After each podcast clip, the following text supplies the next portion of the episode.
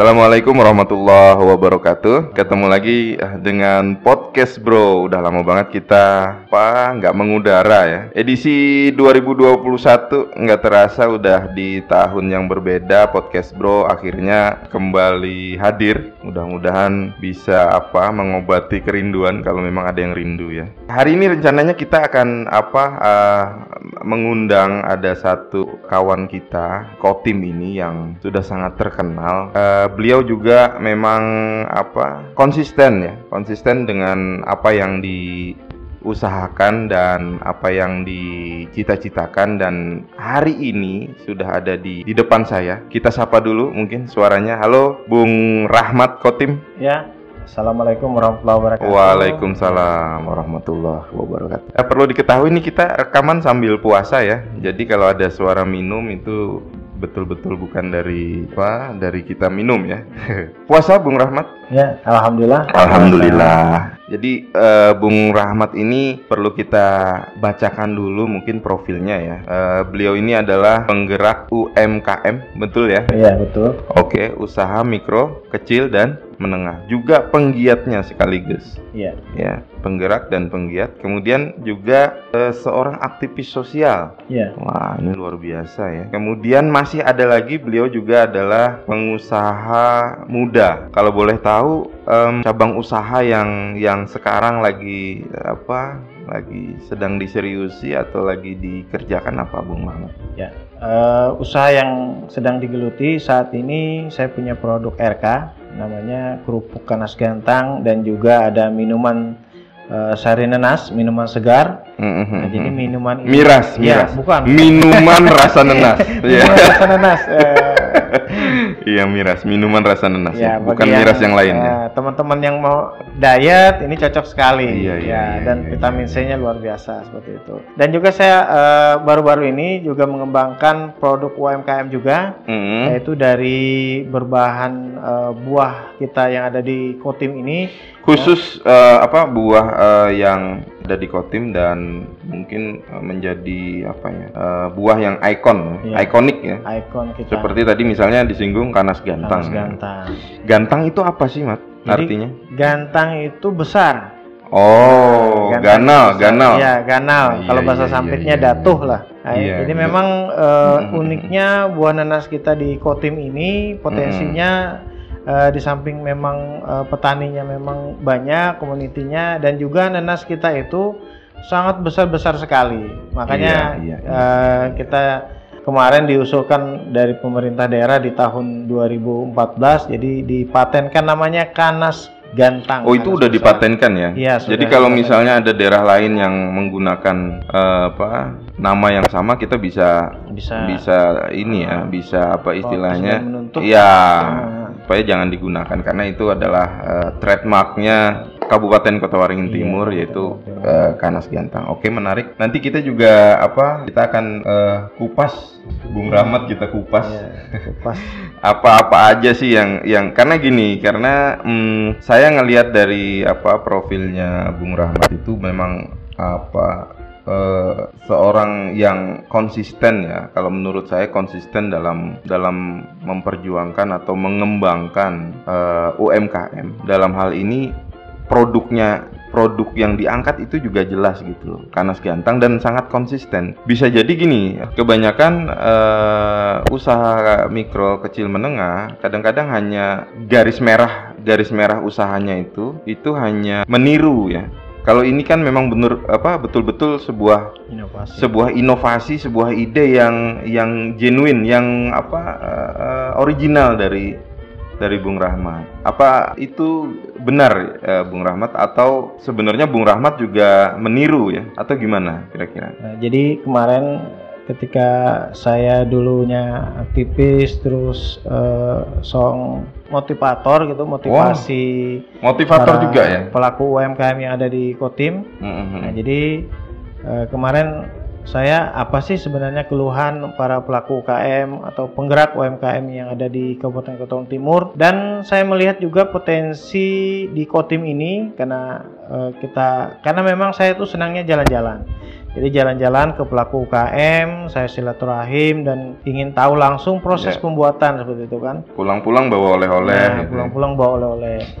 Nah, jadi di perjalanan dan memang eh, saya berpikir oh, Kotim ini kan belum ada identitas eh, produk andalan seperti itu. Iya betul betul. Nah, jadi saya mikir terus saya renungkan apa sih potensi yang memang ada di Mm-mm. Kotim yang bisa kita gali terus bahan bakunya berkelanjutan karena ketika kita memunculkan suatu produk, produk unggulan jangan sampai ketika sudah booming gitu kan, jadi kita kesulitan untuk mencari bahan bakunya. Baik. Nah, jadi dari hasil analisa saya ada ada dua produk yang memang uh, bisa diunggulkan. Pertama yaitu uh, kebun nanas kita kan berlimpah. Nah, Betul, terus yang betul. kedua juga uh, buah kelapa kita di wilayah selatan juga banyak itu. Hmm. Nah, jadi saya coba dulu ekspansi dari uh, fermentasi buah nanas ini. Idealnya cuma buat mencok gitu kan, dimakan terus dibuat Dibikin sayur apa dan eh, sebagainya. Nah, Makanan seperti Nah, rujak. jadi saya misalnya. ingin mencoba bagaimana kita buat fermentasi. Kemarin kita bikin buah nanas ini jadi kerupuk. Nah, jadi kerupuk nanas. Dan teman-teman juga nanya, ini Mas Rahmat investasinya berani kok bikin kerupuk nanas katanya. Ini kan kalau berbicara modal itu kan perlu eh, apa alat yang harus sudah semi mekanis lah seperti itu kan karena kalau ngelihat di YouTube YouTube itu alat untuk buat nanas itu kurang lebih eh, sekitar 25 juta itu yang paling murah yang paling Nah, sederhana. paling sederhana sekali. Nah, kemarin itu saya dengan inovasi eh, gagal itu pasti. Karena kemarin Hmm. kita pertama kali bikin kerupuk itu empat kali gagal. Jadi yang keempatnya baru bisa sudah eh, bisa rasanya sudah begitu enak dan saya juga ketika kita buat eh, produk saya misalkan kayak teman-teman saya relasi saya mitra saya gitu suruh cicipin seperti itu. Iya. Salah satunya juga di hotel ternama juga di Sejauh ini belum ada yang keracunan ya. Ya, alhamdulillah belum ada yang Alhamdulillah. keracunan. Iya, Nah, luar biasa ya. Jadi, Jadi, dari mm. Teman-teman yang ini Oke. punya komentar seperti itu. Oke, eh, em, gini, sejauh ini respon pasar seperti apa Nah, terhadap terhadap eh, tadi kan sebenarnya sudah ada produk ya dari bahan baku kanas gantang yang sudah di di apa dipatenkan tadi namanya, kemudian diolah oleh kawan-kawan atau oleh Bung Rahmat sendiri menjadi produk makanan olahan, baik itu jadi apa kerupuk dan bentuk lain ya. Iya. Dan sejauh ini tanggapan pasar gimana? Apakah barang ini betul-betul sudah menjangkau sampai ke lapisan masyarakat atau hanya menjadi sebuah souvenir atau seperti apa, Bung Rahmat? Nah, jadi alhamdulillah eh, pertama saya sudah menjalankan eh, apa usaha kerupuk kanas gantang ini sudah dua tahun, eh, Mas Dayat. Jadi memang kalau eh, di pasaran itu alhamdulillah sangat antusias sekali dan memang sebelum pandemi saya bisa jualan itu kotor satu bulan itu kita titip di salah satu apa galeri yang memang ada di kota Sampit yaitu di galeri Jelawat itu kurang lebih pendapatan kita kotor itu penjualan sampai 3 sampai 4 juta. Nah jadi eh, ketika pandemi satu tahun lebih ini sudah pandemi Mhm. jadi memang pendapatan kita menurun.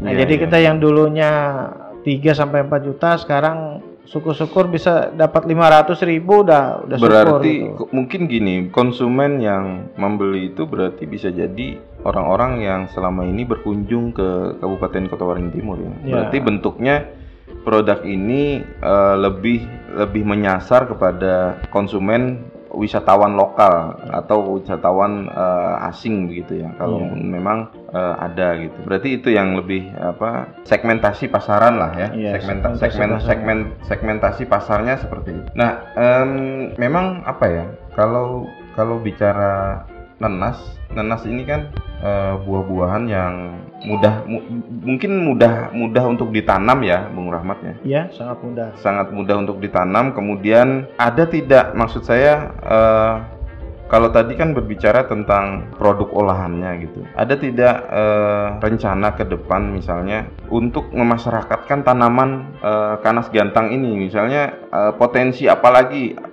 uh, kalau uh, kalau di daerah lain mungkin ada yang namanya uh, wisata agro, kebun teh, kebun jambu atau kebun apa durian, kebun rambutan. Ada tidak peluang yang mengarah ke sana gitu? Misalnya wisata agro, kebun nenas.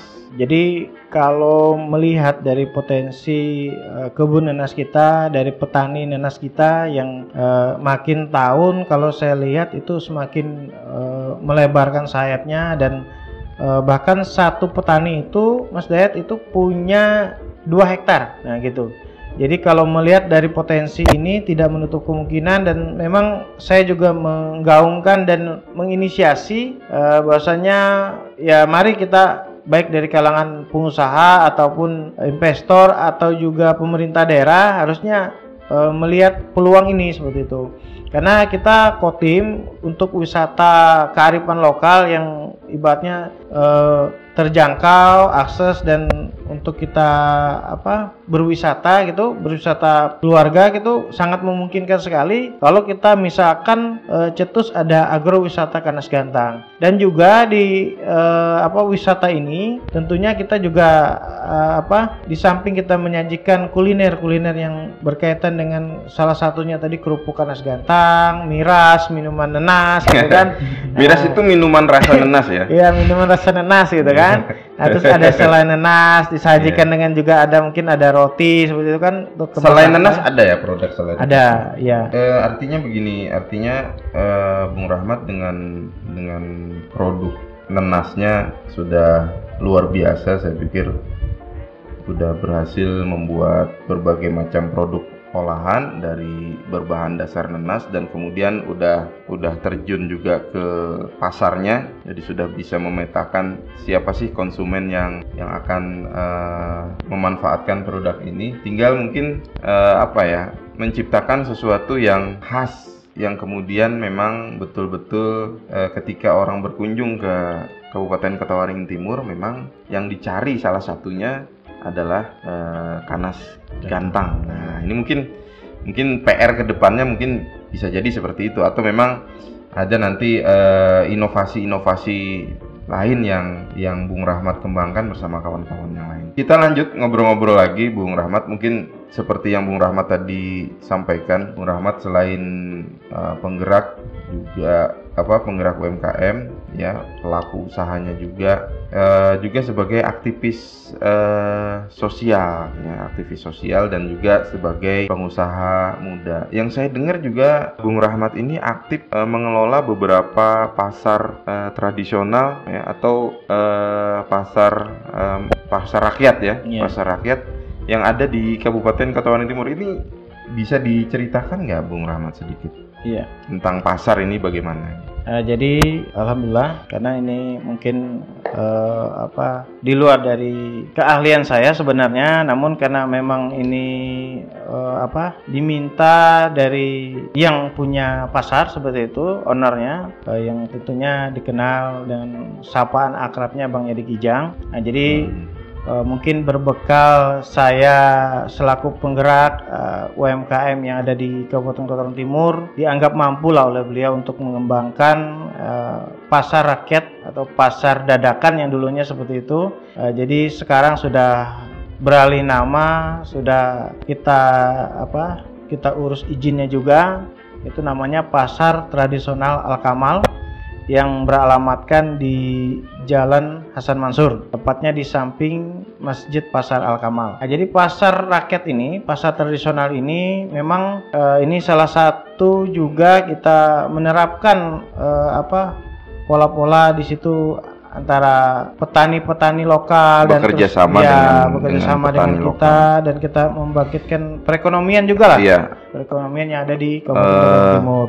Uh, pasar itu kan uh, tempat tempat semua orang berkumpul ya Bung Rahmat. Iya. Karena ini kan Bung Rahmat kan bicara tentang pasar umum ya. Di di sana ada uh, sembako, di sana ada uh, lauk pauk, sayuran dan juga barang-barang pecah belah lainnya. Jadi itu adalah pasar umum yang semua orang itu boleh masuk. Nah, karena semua orang boleh masuk, ada tidak uh, apa ya semacam kendala karena kita tahu ya pasar itu kan identik dengan mungkin ada kriminalitas ya kan dampak lingkungannya kan seperti itu ya. Kemudian ada limbah bekas eh, limbah limbah pasar ya, pasar basah kan me- me- me- apa, menghasilkan limbah. Kemudian ada bau yang tidak sedap, kemudian ya berbagai macam dampak lingkungan yang disebabkan karena adanya pasar itu.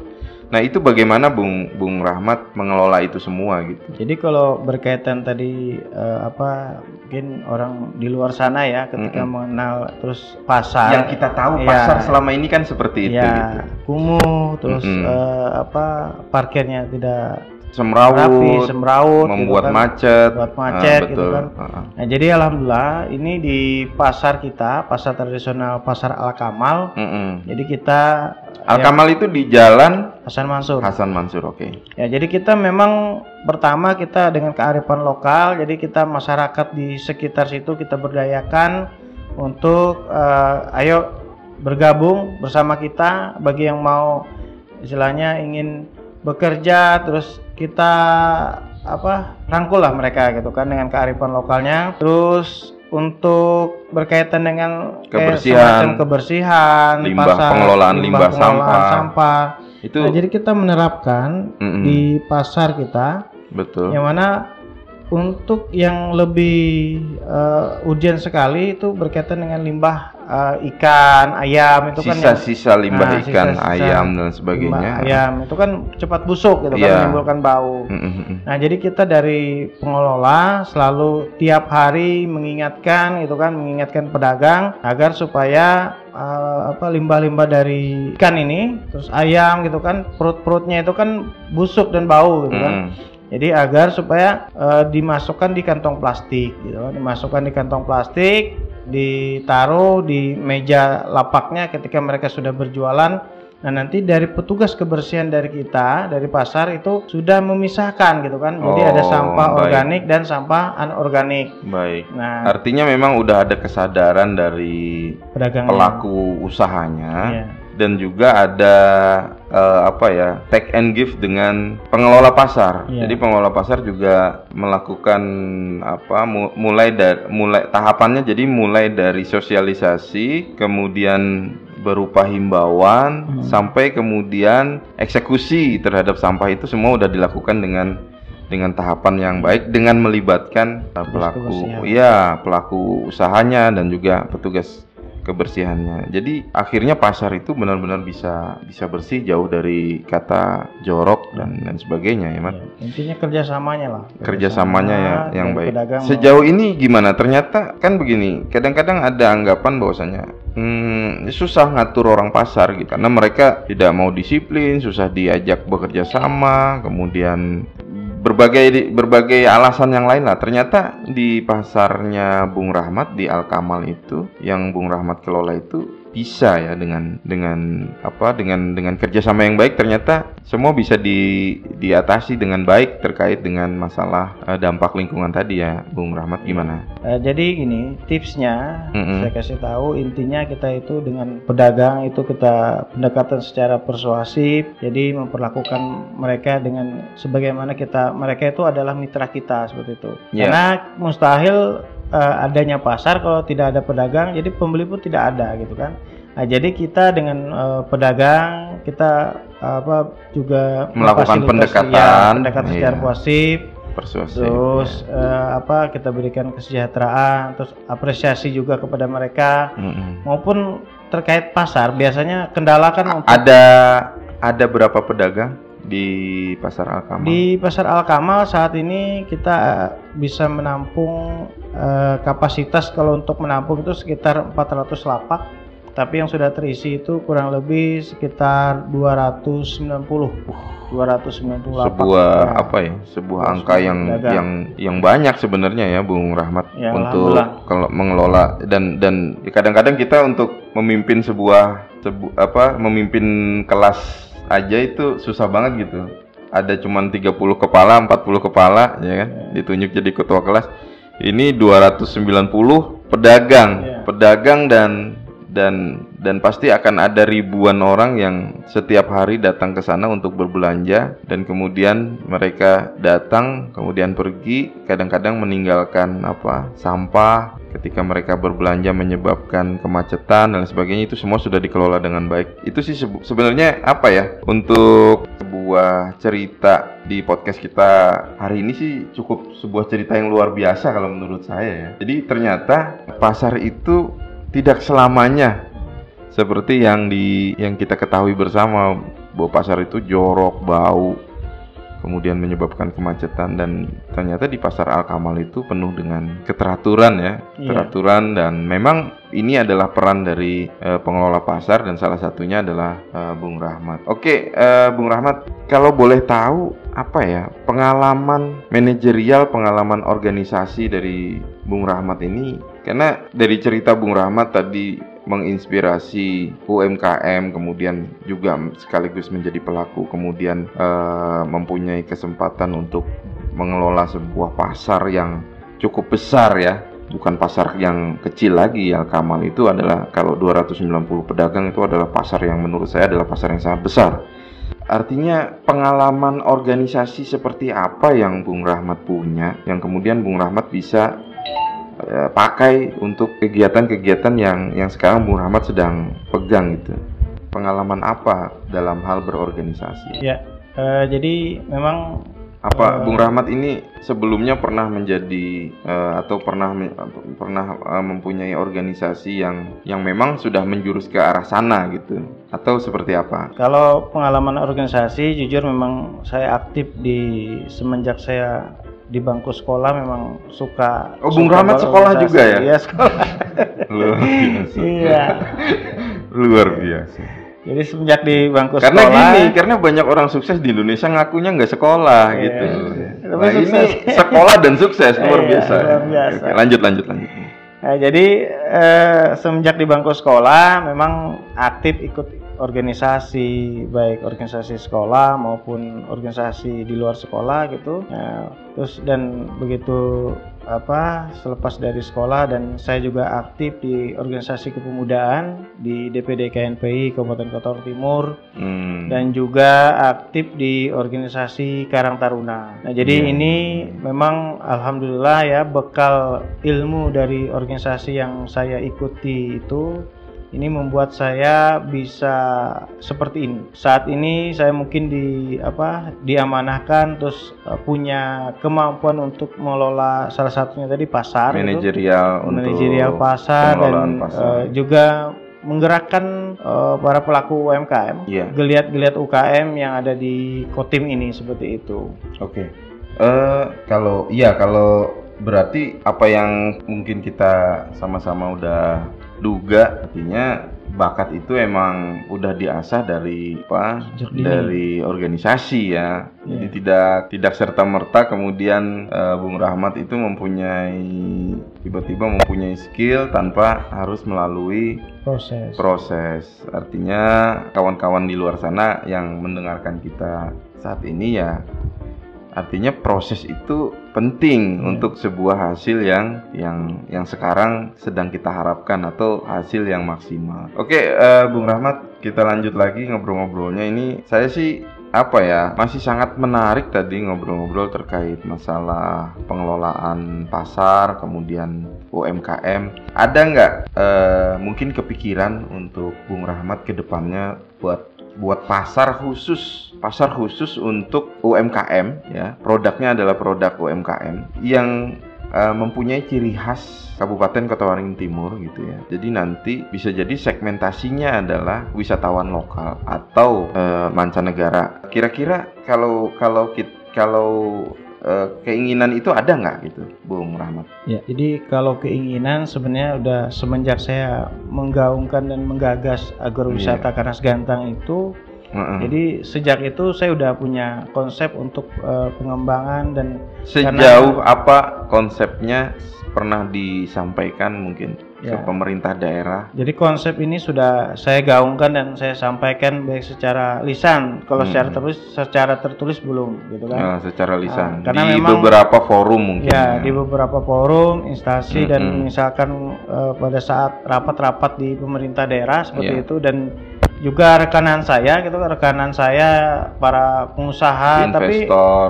ya investor juga Hmm. tapi mungkin mungkin belum ketemu apa chemistry-nya seperti itu belum Iya. ketemu chemistry-nya namun Arti- ini tidak artinya gini, artinya gini, eh, kalau memang belum ketemu chemistry-nya, apa yang membuat apa atau gini atau ada hambatan seperti apa kira-kira? Karena karena apa ya eh, melihat atau bercermin dengan daerah-daerah lain, ketika kita berkunjung ke sebuah kota atau daerah lain di luar sana, kita tuh seakan-akan mudah menemukan pasar souvenir atau oleh-oleh UMKM yang sudah terfokus atau apa terdefinisi dalam suatu wadah dalam suatu tempat. Jadi eh, itu menjadi eh, salah satu destinasi wisata gitu kan kalau untuk Kotim kan memang ada beberapa toko-toko souvenir tapi masih belum sepertinya masih belum apa eh, tersentralisasi gitu sehingga memang bisa jadi bisa jadi orang yang berkunjung ke Kabupaten Ketahuan Timur belum tahu bahwasanya di situ adalah sentral untuk mencari oleh-oleh itu. Kira-kira ada kendala apa, Bung Rahmat? Kok investor belum melirik, kemudian pemerintah daerah juga belum? Jadi kalau berbicara kendala sebenarnya ini mungkin yang menjawab waktu saja sebenarnya. Oh, Karena ini artinya da- udah nah. udah artinya sejak ini digagas sebenarnya sudah ada tadi sudah dibilang sudah ada konsep, kemudian tinggal menunggu waktu ini yang akan terlaksana. akan ya? terlaksana. Karena memang pada saat saya menggaungkan itu dan sudah Hmm. ditanggapi sebenarnya oleh pemerintah daerah melalui dinas perdagangan Mm-mm. dan eh, apa ingin membuka satu wadah pasar seperti itu dan memang tempatnya sangat strategis sekali Mm-mm. karena ada pasar Mentaya kalau tidak salah itu Mm-mm. Nah, memang itu kemarin kita sudah ada bincang-bincang dengan Kepala Dinas Perdagangan dan Perindustrian. Uh, jadi uh, bagaimana ini kalau pasar ini kita buat suatu wadah sentral. Kalau kita misalkan bangun lagi kayak pasar sayur, pasar ikan kan tidak Mm-mm. uh, mumpuni gitu kan. Ya. Nah, memang sudah ada tapi karena memang kendala uh, pandemi ini jadi agak belum tertunda ya. belum tertunda. belum menjadi sebuah prioritas. Jadi Ya, Oke. prioritas seperti itu. Artinya artinya secara konsep sudah ada, kemudian sudah ada tanggapan yang positif dari pemerintah daerah, jadi tinggal tunggu waktunya Iya, tinggal tunggu. untuk eh, terus kalau memang apa secara cara berkaitan orang pergi ke pasar ingin membeli sebuah souvenir yang khas Kabupaten Kota Waringin Timur ini juga tentu saja dia eh, sekaligus untuk tujuan lain misalnya untuk mengunjungi situs-situs atau tempat-tempat pariwisata yang lain. Nah eh, menurut Bung Rahmat hmm, di Kabupaten Kota Waringin Timur ini yang bisa kemudian dijual secara konsep kemudian yang bisa dijual secara apa yang bisa dipasarkan ya dalam konteks pariwisata. Baik itu yang bertujuan untuk menyerap pariwisata lokal maupun mancanegara itu yang kemudian nanti mempunyai implikasi positif terhadap pedagang-pedagang UMKM yang berjualan makanan atau produk olahan ciri khas Kabupaten Waringin Timur yang tadi di konsep Bung Rahmat adalah pasar apa eh, pasar khusus untuk UMKM itu itu kira-kira objek wisata apa yang yang bisa ditawarkan di Kabupaten Karimun Timur ini? Karena ada beberapa potensi sebenarnya. Kalau kita lihat hanya mungkin uh, belum, ya itu mungkin menunggu waktu ya, waktu ajan maghrib atau apa gitu. Iya.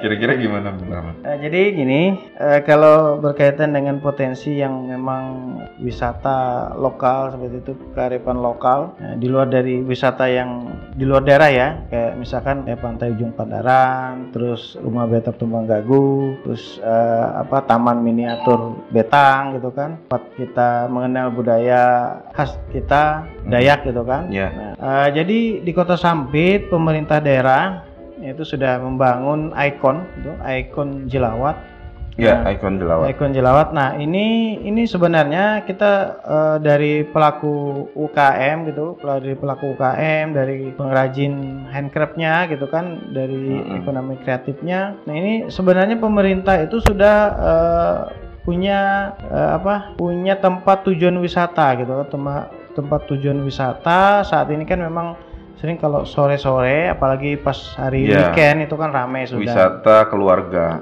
wisata Ya. keluarga. Nah, namun Betul. ini perlu kita bersama pemerintah daerah juga, artinya dari penggerak pelaku UKM kita berinovasi, berinovasi terus taruhlah misalkan kita buat kerajinan semacam kayak gantungan kunci terus yang ada memang souvenir-souvenir. menjual eh, ikon-ikon Ya. tersebut ya. bikin bentuk ikan jelawat gitu Iya, iya, kan. iya. Jadi Kalau kalau begini, apakah eh, yang sudah dilakukan terkait dengan adanya ikon jelawat, kemudian itu lagi mungkin bisa kita sebut wisata susur Sungai Mentaya atau apa itu udah udah udah maksimal bisa di- dirasakan oleh pelaku UMKM? Kira-kira itu udah udah bisa dirasakan maksimal atau hanya eh, belum atau gini atau memang itu masih berupa mm, cikal bakal belum belum dirasakan maksimal oleh pelaku UMKM atau bagaimana atau udah ada terlihat maksud saya gini eh, dengan adanya destinasi wisata itu tadi walaupun memang sifatnya masih lokal ya misalnya kayak Jelawat wisata susur sungai Mentaya dan sebagainya. Keuntungan apa sih yang didapat selama ini oleh kawan-kawan dari UMKM ada atau masih terasa sangat minim sekali? Atau seperti apa konsep yang dikembangkan untuk supaya ini sektor pariwisata sektor eh, UMKM yang menawarkan eh, makanan dan dan handcraft atau apa pun itu produk yang eh, berkaitan dengan ikon itu itu bisa laku juga gitu di pasaran gimana Bung Rahmat? ya eh, saat ini memang sudah kita eh, merasakan juga dampak dari pembangunan ikon jelawat atau tadi dibilang susur sungai seperti itu. Nah, memang hanya gini dari pelaku UKM kita dari apa para pelaku usaha ini saat ini kita masih berkutat untuk produksi eh, untuk kuliner kuliner ini pada momen-momen tertentu seperti itu. Memang kita ada dari dinas perdagangan itu menyelenggarakan kayak semacam Bazar, bazar UMKM. baru kemudian produksi itu digeber ya, gitu ya karena baru- untuk event-event ya, tertentu. kita genjot lah gitu kan. Baik, artinya jangkauan eh, sekali lagi kita berarti balik lagi ke jangkauan pasar selama ini memang belum terbuka secara luas, Hmm. berarti kalau bisa disimpulkan. Kemudian pasarnya itu memang segmentasinya hanya event-event tertentu, ya kan? Dan kemudian itu adalah apa ya sangat sangat segmented ya dalam artian hmm, belum belum luas seperti yang kita eh, bayangkan atau yang kita sampaikan di awal.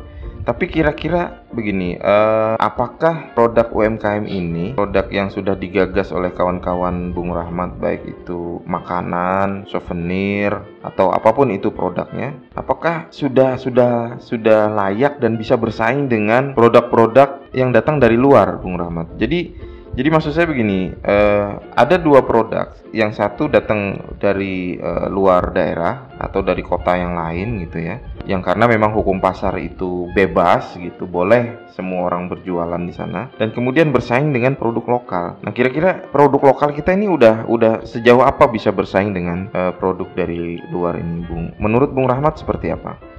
Jadi produk kita eh, yang Lokal. ada di Mm-mm. Kotim ini produk lokal gitu Mm-mm. yang memang homemade lah yang Mm-mm, yang dari home industry, industri Mm-mm. seperti itu memang kita masih masih eh, perlu banyak inovasi. Ya, masih banyak inovasi karena kita berkaitan dengan salah satunya juga Mm-mm. untuk media promosi kita masih berkutat di dalam di dalam sendiri. Kotim sendiri. Jadi mas sudah ada sih sebenarnya beberapa produk yang sudah di go keluar daerah seperti Mm-mm, itu mm-mm. lintas kabupaten, Mm-mm. lintas provinsi. Mm-mm. Nah, tapi produk-produk yang lainnya itu karena terkendala kita itu kemasan gitu itu. Jadi kemasan kita itu masih belum belum layak belum atau menarik, belum belum itulah. belum mampu untuk memenuhi kebutuhan di luar Iya. di luar eh, daerah gitu ya. Ya, perlu diperbaiki lagi Perlu diperbaiki, kemasannya supaya apa? Karena memang orang itu konsumen itu beli itu melihat ininya dulu kemasannya Menarik, menarik. atau Jadi tidak. mereka lalu ada ketertarikan ingin belanja, Membeli, ingin penasaran beli, gitu penasaran ya. Artinya memang apa ya perlu masih banyak perlu kerja keras ya Bung Rahmat untuk mengembangkan produk-produk UMKM ini sendiri. Eh kalau cerit punya nggak gitu cerita yang bisa memotivasi teman-teman UMKM lain gitu. Misalnya Bung Rahmat kan mungkin eh, punya pernah punya pengalaman di luar ternyata makanan olahan yang bahan bakunya banyak terdapat di sampit misalnya seperti nanas tadi itu ternyata bisa diolah dengan dengan menja atau bisa diolah menjadi makanan yang sangat sangat nikmat gitu ya. Sangat nikmat sangat menarik dan dan dan laku di pasaran. Kira-kira punya nggak cerita inspiratif supaya gini? Maksud saya begini supaya pelaku pelaku UMKM di luar sana itu tidak berkecil hati dengan segala macam tadi permasalahan yang Bung Rahmat sampaikan. Yang kemudian mereka apa istilahnya tuh terus mengeksplorasi kemampuan mengeksplorasi lagi. Uh, kalau makanan berarti mengeksplorasi rasa meng, kalau tadi bicara marketing mengeksplorasi dalam masalah penyajian ya kan kemasan dan sebagainya uh, supaya mereka terus semangat gitu untuk melakukan eksplorasi. Ada nggak cerita inspiratif yang yang membuat supaya jangan menyerah gitu loh? Atau Bung Rahmat punya pengalaman pribadi sebenarnya ini uh, meng, apa istilahnya sebuah bidang yang sangat menjanjikan gitu. Jadi jangan jangan dianggap ini tuh kayak sampingan gitu. Punya nggak Bung Rahmat untuk apa ya sekedar memotivasi lah kawan-kawan di luar sana?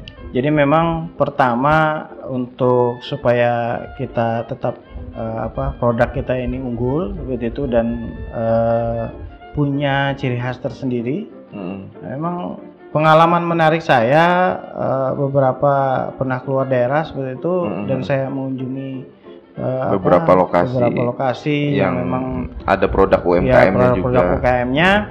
Jadi di uh, daerah sana, daerah luar itu di luar dari kota Sampit ya. Hmm. Jadi memang mereka itu pelaku usahanya tidak malu-malu seperti itu. Artinya mereka punya produk, mereka dengan uh, begitu percaya diri, kepercayaan diri untuk mm -mm. menawarkan produknya seperti itu. Iya iya iya. Karena untuk berbicara rasa sebenarnya ini relatif, relatif. umum sebenarnya gitu kan. Ada yang senang asin, yang manis, asin, pedas, manis ya tergantung inilah. Tergantung gitu. selera ya. Tergantung selera. Okay. Namun mungkin lemahnya pelaku UMKM kita yang mm -hmm. di Kotim ini mereka contohnya tadi pemerintah daerah sudah um, apa menggaungkan terus ada wisata disediakan lokal, tempat disediakan tempatnya. ada bazarnya tapi kita kemudian... tidak apa kurang kreatif lah gitu kan kurang oh. kreatif. Makanya saya punya tagline wirausaha kreatif muda kreatif sukses. Ulangi lagi iya. Bung Rahmat. Apa tagline-nya wirausaha kreatif wirausaha kreatif muda kreatif, muda, kreatif sukses. sukses. Nah, luar biasa jadi sekali kita yeah. harus punya apa semangat. Artinya begini, artinya anak-anak muda jangan jangan berpikiran untuk apa ya. Uh, jadi gini, kebanyakan mungkin mereka mem memuja produk-produk yang berasal dari luar daerah gitu ya. Iya. Padahal mereka punya potensi, punya bahan baku ya, seperti Bung Rahmat sampaikan tadi, kanas gantang, bahan baku yang lain juga mungkin masih banyak, potensi-potensi alam kita sangat berlimpah gitu yang bisa diolah menjadi baik itu produk makanan olahan, produk kreatif lainnya, pakaian, kemudian uh, ya apa pun ya yang bisa di, diolah dan kemudian ternyata mempunyai nilai dan pasar tersendiri uh, untuk di, dipasarkan. Artinya artinya eh, apa ya? Uh, kalau boleh saya simpulkan tadi, jangan malu-malu, jangan malu-malu, tetap semangat karena pemerintah daerah sudah menyiapkan atau uh, membuat konsep-konsep yang yang kalau misalnya itu bisa kita lihat peluangnya ya menimbulkan apa eh, kegiatan ekonomi yang menghasilkan uang yang cukup cukup besar.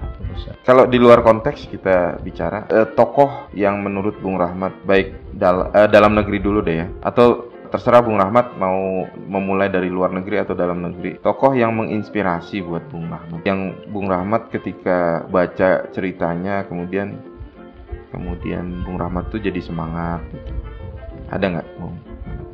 Kalau saat ini belum punya tokoh yang memang apa, menurut iya. saya yang bisa diambil hmm. apa panutan seperti itu kan diambil contoh gitu kan hmm. kalau untuk di dalam kota Sampit sendiri hmm. masih belum ada lah. Gitu. Kalau di di luar sana mungkin ada. Kalau di luar sana mungkin saya menokohkan seorang uh, apa kakek tua lah ya. Kakek Sugiono. Ya.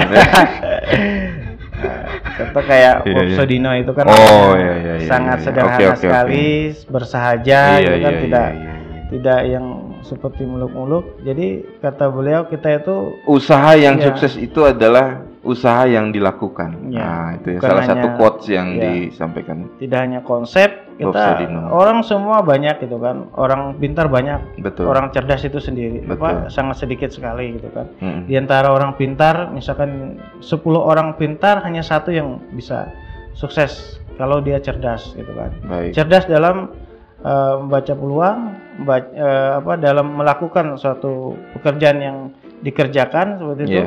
Jadi, Sukses mudah eh, apa tadi? mudah, Mudah, kreatif, kreatif, sukses. sukses. Nah, Luar biasa. Jadi itu dia. sang pemuda yang kreatif, Sukses muda sukses. dan kreatif. iya. Quotes dari Bung Rahmat.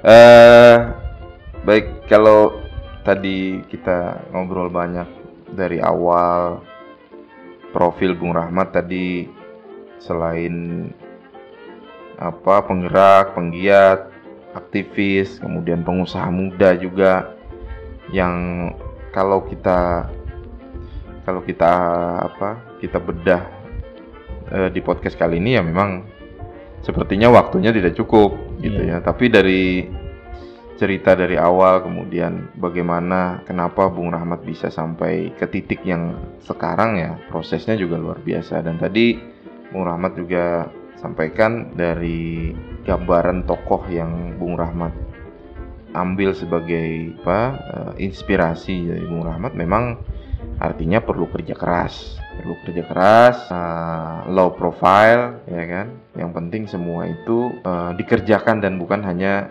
sebuah konsep yang hanya dibicarakan tapi tanpa dilakukan oke sekarang kalau itu tadi inspirasi kemudian ada nggak keinginan Bung Rahmat? Yang yang Bung Rahmat kalau misalnya Bung Rahmat mau bilang ya ini cita-cita saya tuh sebenarnya ini gitu loh. Bukan hanya sekedar saya tuh bawa kanas gantang tuh bukan hanya sekedar nyari uang tapi saya punya cita-cita yang orang lain mungkin bilang ah mustahil Rahmat bisa bawa atau Rahmat bisa wujudkan. Kira-kira punya nggak apa ya cita-cita itu gitu Bung Rahmat Jadi punya punya mimpi besar, Mimpi cita-cita besar. saya eh, makanya saya sangat mempertahankan sekali Mm-mm. dalam konsistensi eh, kons- apa? Eh, hati-hati salah Ya. sebut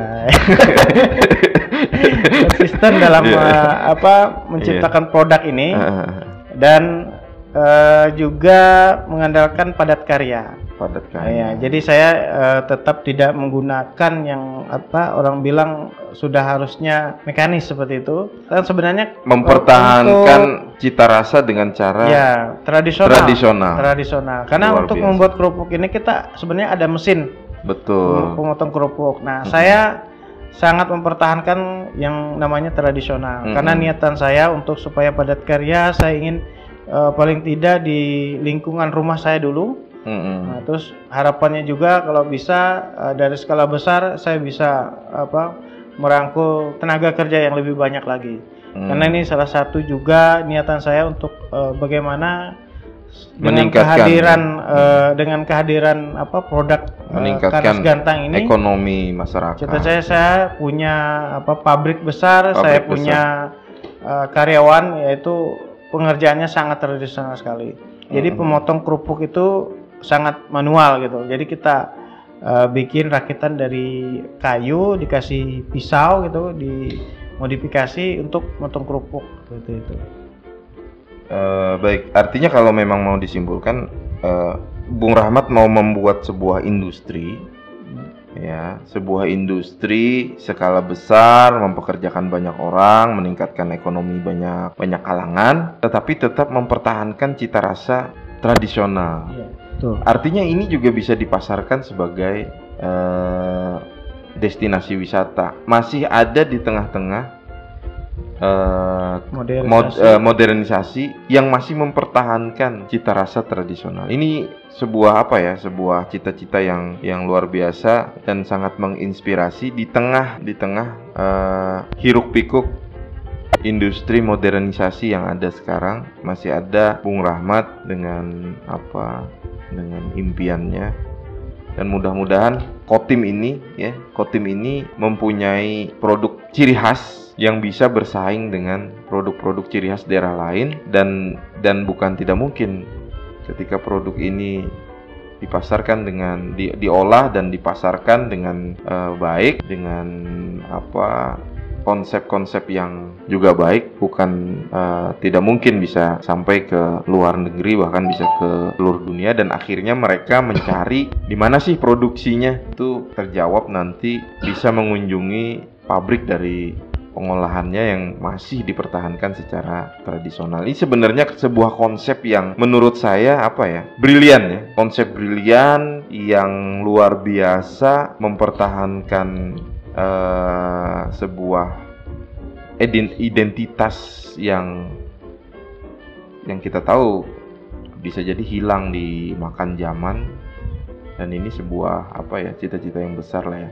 menurut saya dan mudah-mudahan ini bisa terwujud. Amin. Oke, Bung Rahmat, mungkin ngobrol-ngobrolnya bisa kita lanjutkan mungkin di next kesempatan dan mudah-mudahan apa yang kita bicarakan kita obrolin ini menginspirasi banyak banyak kalangan banyak pihak Amin. Dan apa yang sudah tadi dicita-citakan betul-betul bisa terwujud dalam waktu dekat dan apa yang ingin dicapai dalam waktu jangka panjang bisa segera terwujud. Baik sekali lagi saya ucapkan terima kasih Bung Rahmat dan untuk podcast Bro edisi perdana di tahun 2021 kali ini kita akhiri dan mudah-mudahan kita bisa ketemu lagi di season selanjutnya dan ngebahas atau ngobrolin sesuatu yang menarik yang apa ya, yang inspiratif di tengah tengah kita semuanya. Sekali lagi saya ucapkan terima kasih. Wabillahi taufiq wal hidayah. Assalamualaikum warahmatullahi wabarakatuh.